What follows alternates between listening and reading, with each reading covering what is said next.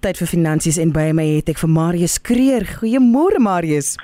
Goeiemôre Eloise en sommer vir jou baie welkom op die program. As ek dit mag sê. Baie dankie natuurlik mag ek dit sê ek waardeer is nog splinter nuut. So alles wat my toe kom en na my kant toe kom, vat ek met 'n oop hart. Dankie.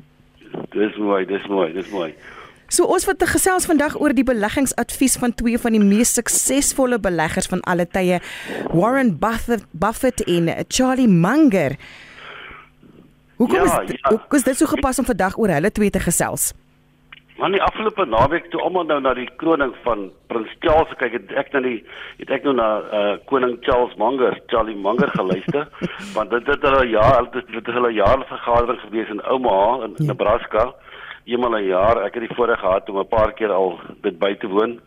Uh daar was so plus minus 45000 mense. Hulle bied dit aan in 'n in 'n stadion in 'n Super Bowl ja. en ehm um, Ja, hulle hulle moet maar die Woodstock van kapitalisme, dit is maar waar almal bymekaar kom en uh, graag wil bietjie uh skouers skuur met met ander beleggers en ander aandeelhouers. Maar ek dink die groot ding is hoekom mense gaan is om bietjie te luister na die wysheid van hierdie twee manne. Ja. Uh en ook die feit dat hulle nou Warren Buffett is nou 92 jaar oud.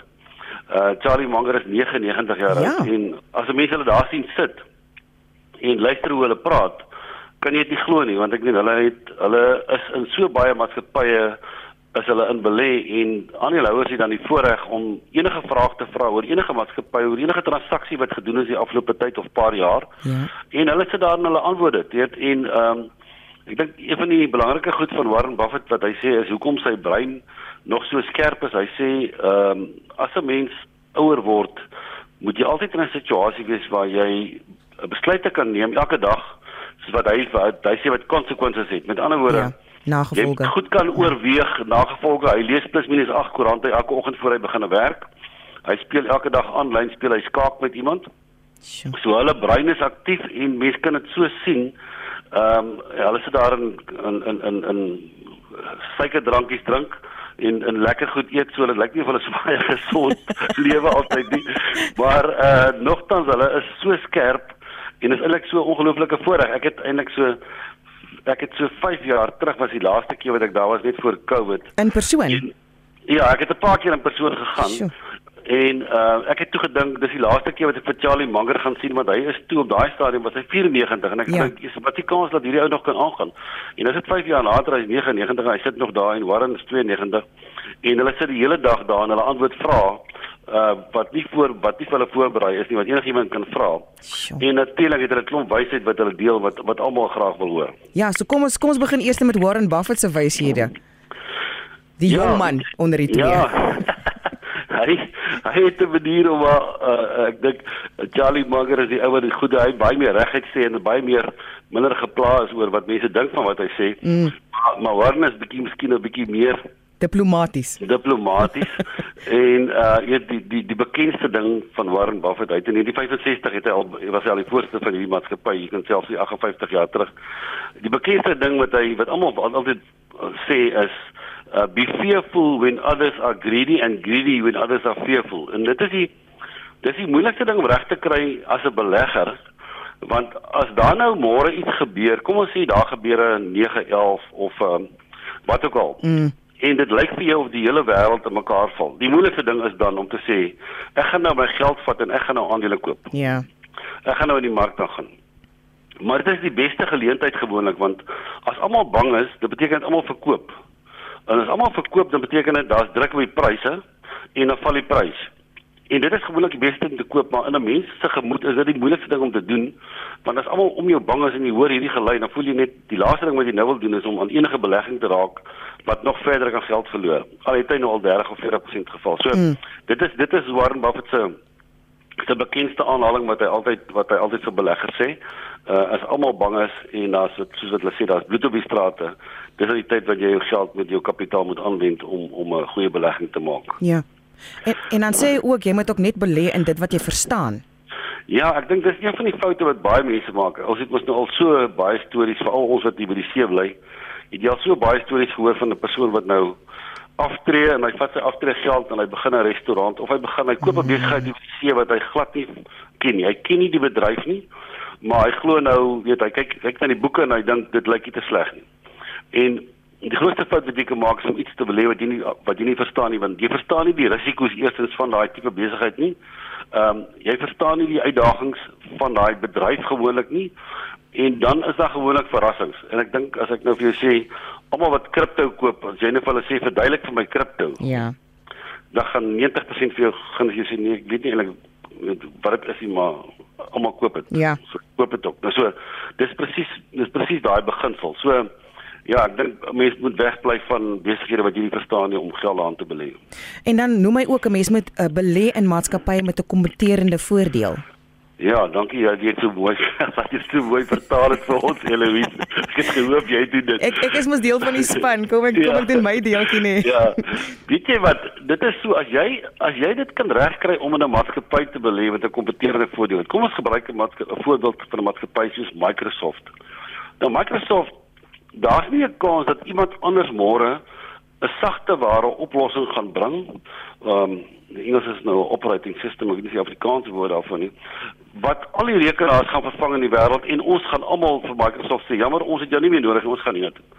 Dis ongelukkig so. Hulle dit hulle het so groot geraak en so daai mark so ehm um, oorheers hulle so dat daar is eintlik nie 'n maatskappy wat hulle môre volgende week kan vervang nie. So as mm. hulle nou vir jou sê, hoor jy, jy moet jou huidige stelsel opgradeer, anders gaan hy nie meer werk nie. Jy het nie veel van 'n keuse nie. Ja. Jy moet maar doen.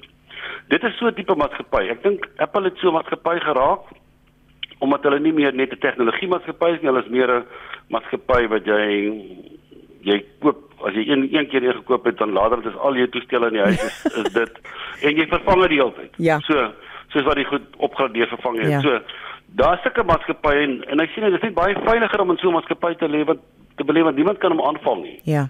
Dis die rede hoekom hy hoekom hy dit gesê het, ja. En dan ook wat hy ietsie wat hy baie noem en wat ook iets is wat mense op moet let, is prys is wat jy betaal, maar waarde is wat jy kry. Ja, baie keer dink iemand uh as jy ek praat nou baie oor aandele, maar baie keer dink iemand ja, maar hierdie aandele is nou goedkoop. Dan dink hulle ons moet hom koop want hy's goedkoop. Mm. Maar daar's baie keer 'n rede hoekom hy goedkoop is. Uh as jy na sy waarde kyk, dan beteken hy moet nou goedkoop wees. So dit is wat hy sê as jy as jy iets hulle hulle groot ding is hoe maak jy geld as jy koop iets onder sy intrinsieke waarde met ander woorde kom ons noem 'n voorbeeld jy ry 'n uh 20 22 sekere voertuig sekere model mm.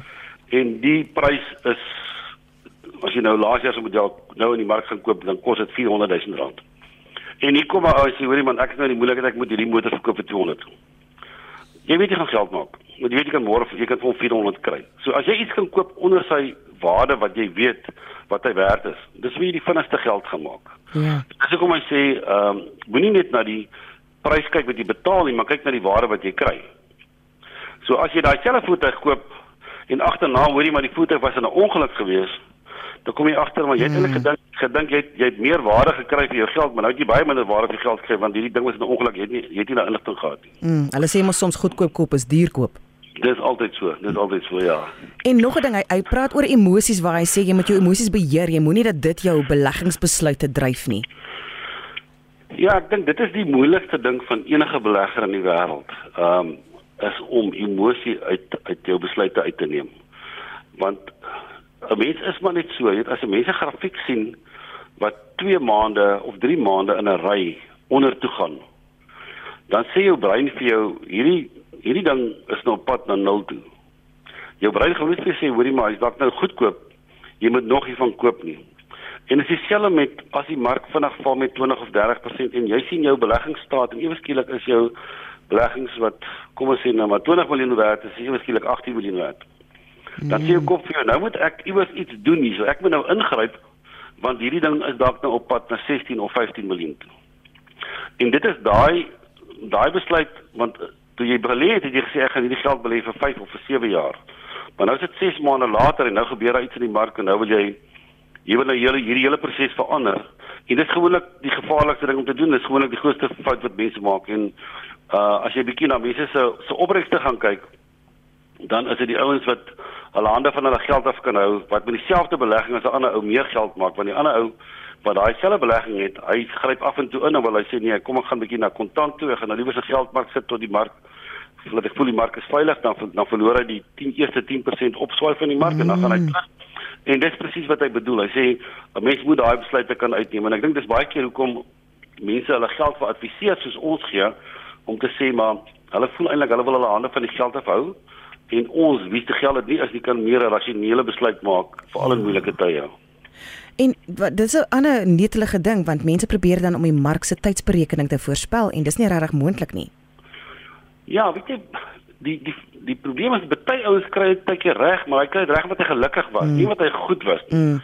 Uh ek sien dit baie keer wanneer uh ons kliënte se geld na buiteland toe skuif, dan sê 'n persoon vir my bel en sê hoorie so, uh die rand is nou 1840, maar dink jy nie ons moet 'n bietjie wag tot hy 1820 is nie? Sê vir my ons weet nie of hy daar gaan kom nie. Gaan hy ooit weer 28 wees? Die veiligste ding is om kom ons betaal nou 1840. As hy 1820 word, want ons betaal 1840 nou moet ons dink oor 5 jaar gaan hy dalk 22 wees. Ehm uh, dan is dit nou maar so. Maar as ons dit nie nou doen nie en hy gaan dan ons moet nou later op 1890 gaan koop, dan gaan ons vir onsself sê kom ons doen 1840 doen. So hmm. dis presies selfs met 'n aandeel. As jy 'n aandeel wil koop, jy kan vir jouself pryse insit op 'n aandeel en sê maar volgens my is hierdie aandeel R150 werd. Ek gaan nie meer as dit betaal nie. Dan kan jy sê goed, my koopvlakke is tussen 145 en 150.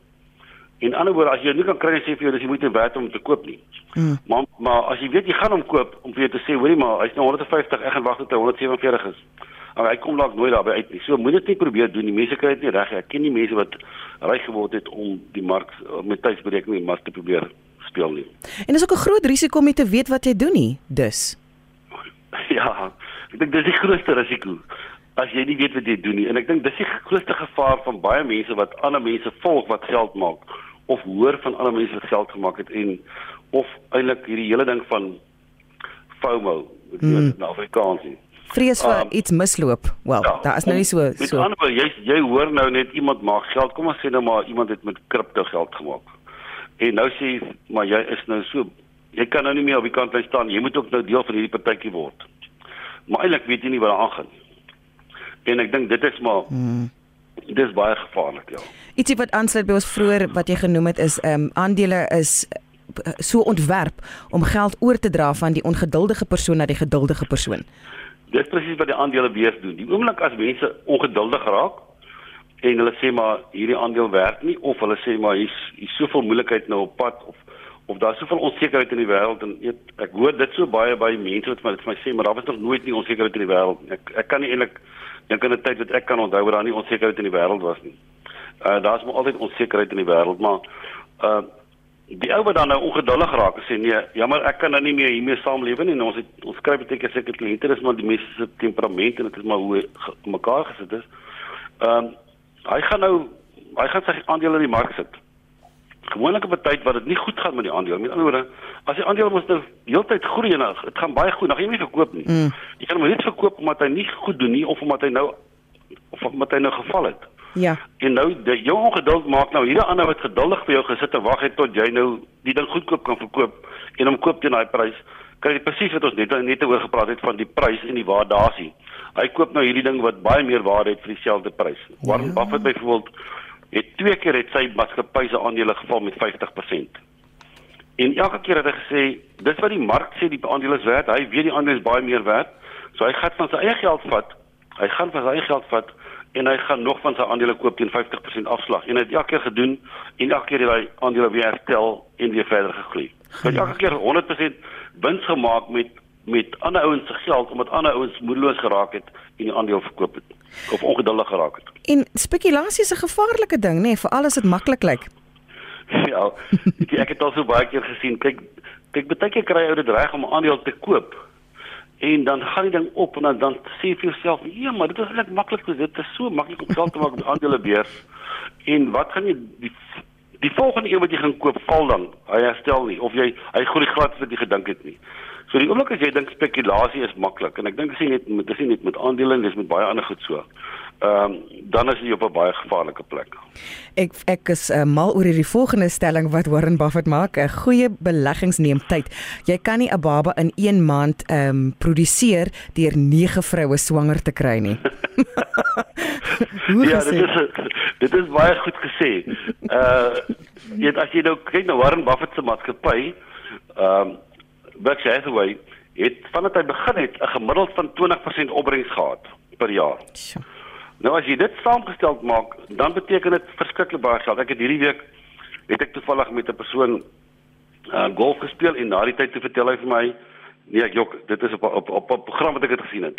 Hy het gesê hy het uh, in die FSA gewerk en hy het toe sy eiendom verkoop. Hulle kom toe terug Suid-Afrika. Nou hy het toe 'n vriend nagehad en die vriend sê vir hom: "Man, gee vir my 10000 dollar. Ek wil dit in hierdie maatskappytjie belê. Hier's 'n ou wat nou net 'n maatskappy begin. Ek dink hy gaan baie goed doen." En jy dink toe nee, dis nie wat geld dis oor jou gee. Ek gaan net terug Suid-Afrika toe ek dit vir hy se koop daar. En die maatskappy was toe uh Microsoft geweest. Ooh. As jy sê hy het nou uitgewerk, as hy die 10000 dollar belê het in Microsoft, daai het sou dit nou 800 miljoen dollar gewees het. Ooh my vet. Nou dit is dit sê maar net vir jou, uh hy sou nie dalk binne 'n jaar 20000 gehad het nie. Dalk het dit die eerste 3 jaar niks gemaak nie.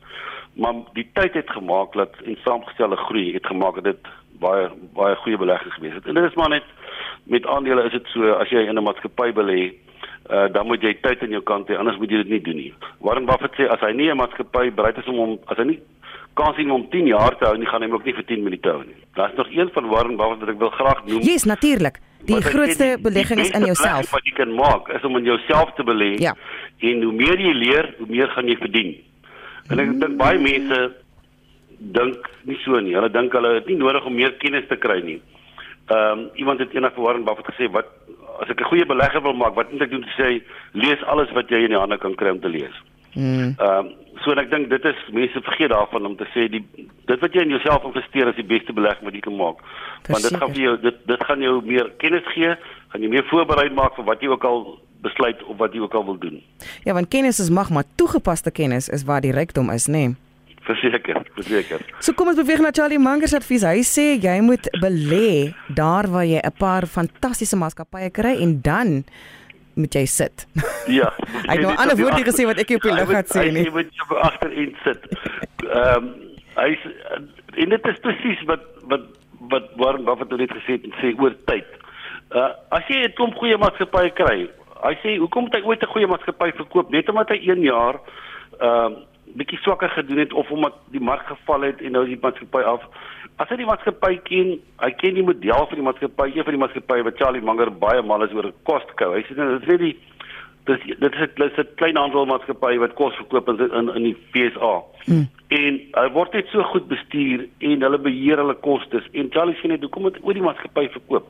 Dis net so goeie maatskappy. Hy sê en baie mense wil altyd dink, okay, Hy het nou 3 jaar in die maatskappy, miskien goed gedoen. Kom ek verkoop maar soek ek iets anders wat nou miskien beter is. Ja. Hoekom sal jy dit verdoen as jy doen as jy 20% 'n jaar opbrengs kry? Doen jy beter as dubbel as meer die meeste mense in die wêreld? Ehm um, hoekom wil jy gaan 40 soek en ander risiko's neem? En dis eintlik wat hy sê, as jy as jy soek 'n paar goeie maatskappye, belê daarin as jy jonk is of wanneer jy kans het en sit en wag. Ehm um, Ja. Dit sal ou nou jou eie geld wil gaan vat en in iets gaan begin as ek kan deel word van die mees suksesvolste ouens wat dit self goed baie beter as ek kan doen. As ek wil net terug belê in hulle maatskappy en in, in wag en, en geniet die geniet die die samery en die dividende en die groei. En dit sit aan by sy volgende stelling van dat groot geld is nie in wag en in koop en verkoop nie maar in die wag. Ja, baie mense dink jy maak jou geld as jy 'n ding verkoop. Jy, jy maak gewoonlik meer as jy koop en as jy goedkoper koop, dis waar jy al eers geld maak. Maar dan is geduld en die wag is waar jy eintlik die geld gaan maak. Uh, as jy die as jy die Microsoft voorbeeld gebruik wat ek net nog ge, uh, gebruik wat ek net nog genoem het, is dit dit sou presies gespeel het. Anders as daai ou net daai 10000 dollar gelos het. Uh, nie vir 'n jaar of twee nie, maar vir 20 of 30 jaar. Ja. Vir 20 jaar. Dis waar jy die geld maak. Ons eie maatskappy PSG Uh, Janie Maton het op 'n stadium sy boek geskryf, het hy geskryf as jy 100 000 rand belê het in 1998 en ek dink dit was hier by 2013 gewees, sou jy 100 000 130 miljoen geword het. Sjoe. Uh, en dit is maar net maar daar was ook tye waar die aandeleprys geval het van 12 rand na 3 rand toe. Maar jy moes dit deurgesit het om hierdie groei te gekry het en jaarlikse groei en addisionele uh, waarde wat uit die maatskappy uitgekom het. Ja. En dan ook as ons almal weet dit want ons almal leef dit as 'n uh, bele, bele, beleggings of om te belê nie so moeilik was, jy sal almal ryk gewees het. Ja, almal, dit is nie belegging is nie maklik nie. Mense baie keer dink ons praat net van al die goed sê maar jy moet geduldig wees, jy moet uh 'n klomp ander goedes doen, maar onthou net om daai eerste paar maatskappye te kry wat jy nou sê wat great companies is. Uh dis nie net om het, om het, om drie name te gaan soek. Uh daar moet navorsing ingegaan. Nou word op elke maatskappy gekyk na hulle na hulle bestuursmodel, na hulle industrie waarna hulle is. Wat is die risiko's daar? Daar 'n klomp huiswerk moet gedoen word om die regte maatskappye te kry. So dit is nie so maklik om net te sê maar ek belê geld nie. En dit is hoekom mense baie keer ehm um, as ek na al die skemas kyk waarin mense belê, dan dink hulle altyd daar's altyd 'n belofte van meer as wat die bank of enigiemand anders bied. Ons gee vir jou gewaarborgde opbrengs van 14%. Die oomblik jy dit hoor, moet jy weet, hoekom sal die persoon vir my 14% waarborg as hy by die bank kan gaan geld leen vir 11%? Mm. Alhoewel hy is nie kredietwaardig nie, daarom wil hy my geld gebruik om risiko's te gaan neem. Ehm um, daar is nie 'n kort pad nie. Uh en dit is dit is die grootste probleem met kripto. Charlie Munger het, het toevallig op op 'n jaarvergadering wat ons was, het iemand van hom gesê, "Wat dink hy van kripto?" Toe sê hy, hy dink ehm um, dit is meer gevaarlik as as ehm um, rottegif. Mm. So rottegif. Sjoe, okay. Ja. Goed, hy voel sterk daaroor. Ja. En dan sê Charlie ook, die wat nie wil aanhou leer nie, gaan nie aanhou styg nie of positief gestel, dis wat aanhou leer bly aanstyg in die lewe. Dit is maar net so. Ehm um, hoe meer 'n mens weet, hoe meer geleenthede kan jy raak sien en kan jy benut. As as ek nie kennis het van eiendom nie, ek al het ek geld, ek gaan ek gaan net my geld verloor as ek daar betrokke raak en nou kom 'n klomp kommersiële eiendomme gaan koop waarvan ek niks weet nie. Maar as ek hierdie jare het ek inligting gekry, ek was daarmee 'n bietjie opgeswat en ek het betrokke geraak, ek ondervinding gekry. Dis waarna ek meer voorberei is om ehm um, goeie besluite te maak. Dit is maar net so.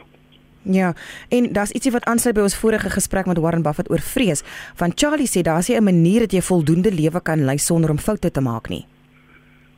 Ja, uh my pa het altyd gesê dat mense wat nog nie foute gemaak het nog nie gewerk. Mhm. Mm ehm um, dit is maar net so. Jy gaan nie altyd alles reg kry nie. In in die beleggingswêreld sê ons as ons 70% van dit wat ons wat ons besluit het om vir 'n kliënt te doen reg kry, dan doen ons baie goed.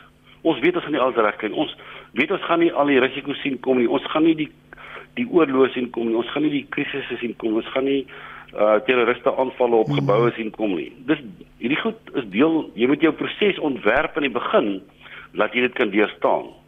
Maar jy gaan foute maak langs die pad. Ek meen as ons nou sommer dink na in Suid-Afrika en en en ons dink oor wat 'n paar jaar terug gebeur het ehm um, met sekere maatskappye wat mm. wat nie meer bestaan nie. Mm, mm. Ja, mense het gedink die maatskappy is dis 'n baie goeie maatskappy. Hulle syfers het goed gelyk, alles en ewe skielik is daar 'n persoon wat wat voor almal se oë gedraai het. Jy weet so jy gelukkig is dit 'n klein deel van 'n ou se se portefeulje en as jy dit reg opgestel het dat dit nie dat jy nie 30% van jou portefeulje een aandeel belê nie want dan herstel jy nooit nie. Mm. Uh, maar dit ongelukkig gaan dit gebeur en jy gaan langs die pad gaan jy maar foute maak. Dis maar so. Verseker. En hier's ietsie wat my fascineer wat my ook ek dit maak vir totaal sin dat baie mense met hoë IQ's ehm um, slegte beleggers beleggers want hulle het aaklige temperamente. Ja, weet jy ons sien dit baie keer dat 'n persoon is regtig baie slim ehm um, en ehm um, is baie goed opgevoed maar die persoon is van nature is senuweeagtig of mhm. wantrouerig en so voort. En daai mense is nie goeie beleggers nie, want hulle hulle hulle hulle hulle hulle gaan alles bevraagteken wat jy doen, alles wat in die mark gebeur. Ehm um, en hulle gaan dink baie keer dink hulle is hulle slimmer as as wat die mark is en hulle wil besluite maak rondom dit. So ja, dit is ongelukkig so as jy nie 'n goeie temperament het nie, dan help dit nie jy te baie hoë IQ nie. Ja. En is ook 'n moeilike ding want as jy nou byvoorbeeld sien as 'n groot kommissie, dan moet jy nou sommer weet jy gaan nou dalk uitgebuit word, nê? Nee? Ja. Nee, dis wat Charlie sê. Hy sê die oomblik as groot kommissies betaal moet word, moet jy weet iemand gaan uitgebuit word. Uh want hoekom betaal mense groot kommissies? Dit is dat iemand jou produk moet verkoop wat ander mense wat mense nie andersins sou verkoop nie. So jy moet jy moet gaan verkoop aan hulle. En ons het dit so gesien met met baie van hierdie uh skemas wat in in eiendom syndikasie skemas Hulle het ongelooflike kommissies betaal vir vir mense en hulle het daai goed verkoop en mense het baie geld verloor daarso, dit is maar so. En dan reputasie en integriteit is van jou waardevolste bates en dit kan in 'n oogwink verloor word, sê Charlie ook. Ja, ek dink ook as 'n belegging veral vir ons wat met mense se geld werk. Jy weet, dis vir ons die belangrikste ding want 'n persoon gaan nie vir my aanbeveel by sy by sy vriend of sy buurman of wie ook al as hy nie as hy my nie vertrou nie en as hy nie oor die jare gesien het ek het integriteit nie. So dit is dit is 'n goed ding wat jy baie dat by die meeste moet oppas. En ek sien ook jy noem dat ehm um, geleentheid kom na die die brein of die ehm um, verstand wat voorberei is. En dis dit gaan ons tema ons hamer dit nou so bietjie maar Ja. Dit is verseker so. Ek meen as jy as jy huiswerk gedoen het en jy's voorberei uh en dan sien jy makliker geleenthede raak en dan kry jy makliker geleenthede. En ook ons het nog so tweetjies oor wat nog so kortliks moet klaarmaak. Daar's drie mandjies waar waar jy in moet belê of wat jy ja. het as jy belê. Ja, nee en te moeilik om te verstaan. Jy wil Warren Buffett sê moenie belê in iets wat nie wat jy nie wat jy nie. Dink jy sê van die begin af sê nee, hier's rooi ligte wat wat aangaan. Dink jy sê ja, ek wil hier belê. Dink jy sê net hierdie ding ek verstaan nie hierdie ding dan moet jy dit ook laat verbygaan. Al klink dit hoe hoe aanloklik. Verseker. En dan die laaste ene van Charlie Munger vir vandag. Hy hy beklemtoon um, suksesvolle be, be, om suksesvol te belê vereis geduld en dissipline. Ja, dit is maar net so. As jy nie daai twee het nie, ehm um, en kan nou by die proses nie, dan gaan jy geld verloor. Marius Kreer, baie dankie PSG Wealth dat jy vir ons vandag ingeskakel het en vir ons kon vertel van hierdie wonderlike byeenkomste en al die klein um, goudstukkies of of bates wat jy daar weggevat het en ons en ons luisteraars kom deel het.